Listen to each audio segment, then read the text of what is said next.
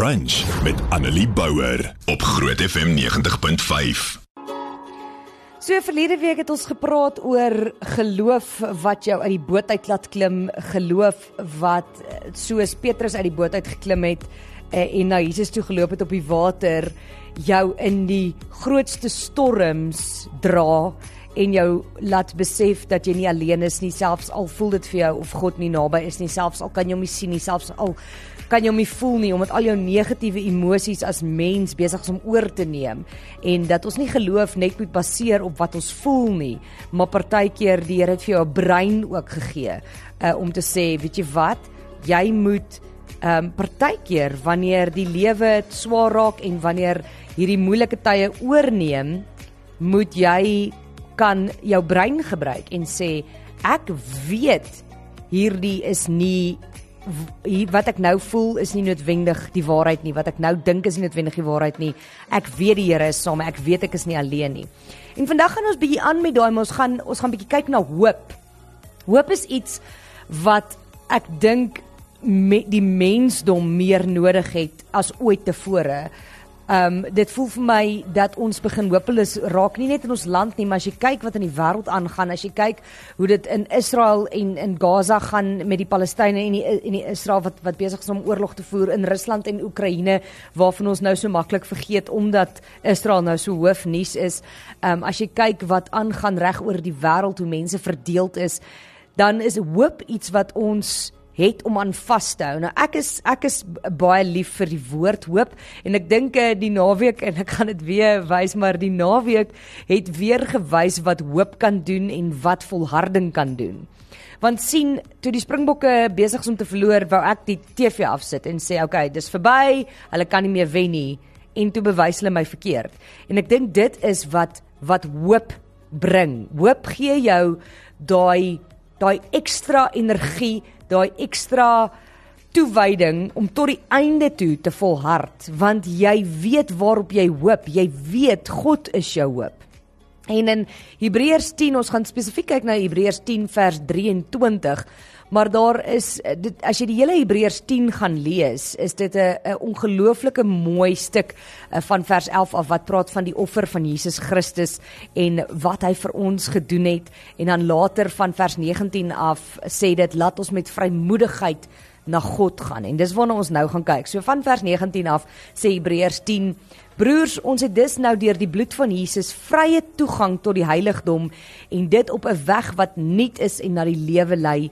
Hierdie weg het hy vir ons gebaan deur die voorhangsel heen. Dit is deur sy liggaam. En dan sê vers 21: En terwyl ons hom ook as grootpriester oor die huis van God het, laat ons tot God nader met 'n opregte hart en met volle geloof sekerheid waaroor ons verlede week gepraat het. Ons harte is immers gereinig van 'n skuldige gewete en ons liggame is gewas met skoon water.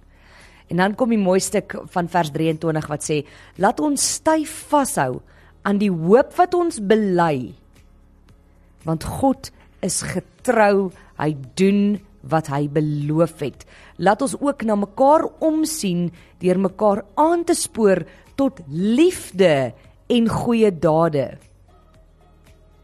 Nou daai is vir my so belangrike en mooi stuk want dit uh, en as jy later uh, gaan lees Hebreërs, Hebreërs is 'n ongelooflike mooi boek. Uh, Hebreërs is 'n boek van hoop. Hebreërs praat ook oor later oor wat hoop is. Wat is hoop? Maar hierdie is my so mooi wat sê laat ons styf vashou aan die hoop wat ons bely want geloof is hoop. Geloof is hoop vir die toekoms. Geloof is hoop vir die lewe hierna. So daai hoop wat ons bely, daai geloof wat ons bely, laat ons daaraan vashou. En dan sê dit want God is getrou, hy doen wat hy beloof het. En dan sê vers 24, wat is ons werk nou? Laat ons na mekaar omsien deur mekaar aan te spoor tot liefde en goeie dade. Want sien ons kan mekaar vinnig opsteek in negativiteit. Ons kan mekaar vinnig opsteek in kwaadwilligheid, in haat, in nait, in in kwaadheid. Ons kan mekaar vinnig opsteek op sosiale media of in die lewe om teenoor iemand anders op te staan want hulle het jou te nagekom of as, of jy dink hulle het jou te nagekom want ons is ook baie fyn gevoelig voel dit vir my deesdae ons dink vinnig ons is te nagekom en plaas van daar daarvan om vir mekaar te sê nee dis nie wat ons as gelowiges veronderstel is om te doen nie ons is veronderstel om die liefde van Jesus Christus op hierdie aarde te wees en wat is daai liefde Dit is liefde vir ander ten spyte van wat hulle doen en sê en dink en glo.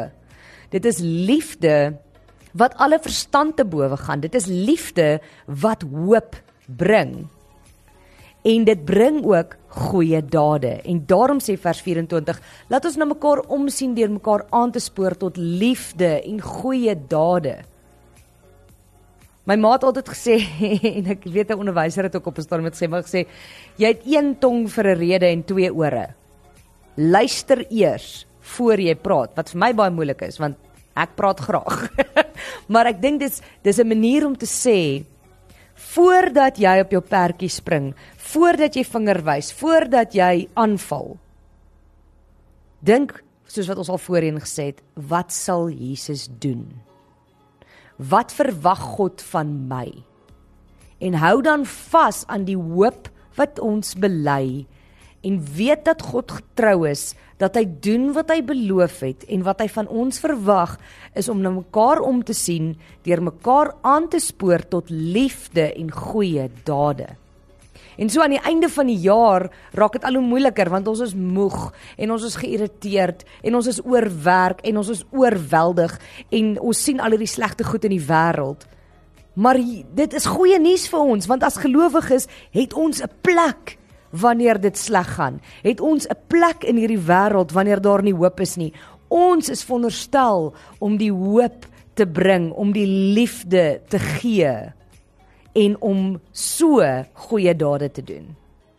Gaan lees gerus uh, Hebreërs 10, dit is dis regtig mooi. Ek het vir jou 'n uh, Louis Brit se Hope in Me. Luister na hierdie woorde. Dis ongelooflik mooi. Ehm um, wat presies gaan dat God en Jesus is die hoop in jou wat weer hoop is vir ander. Annelie Bouwer, weekoggend tussen 9 en 12 op Groot FM 90.5.